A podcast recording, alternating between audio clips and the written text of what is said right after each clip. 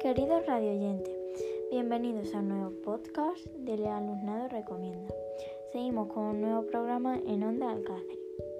Estos días hemos estado viendo la película El Rey y nos ha tocado investigar sobre los cuentos que salen en la película. Yo voy a hablar un poco sobre el cuento de Caperucita Roja. Es un cuento infantil de transmisión oral que se plasmó en diferentes escritos, primero por Charles Perrault y luego por los hermanos Grimm. Trata de una niña que vive con su madre. Su madre le manda ir a casa de su abuela para llevarle comida, ya que está enferma. En el camino que su madre le dice que vaya, se encuentra con el lobo, que le dice otro camino, supuestamente más rápido. Y ahí vienen los problemas.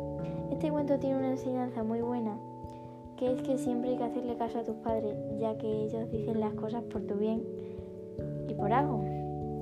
Muchas gracias por escucharnos. Hasta la siguiente emisión.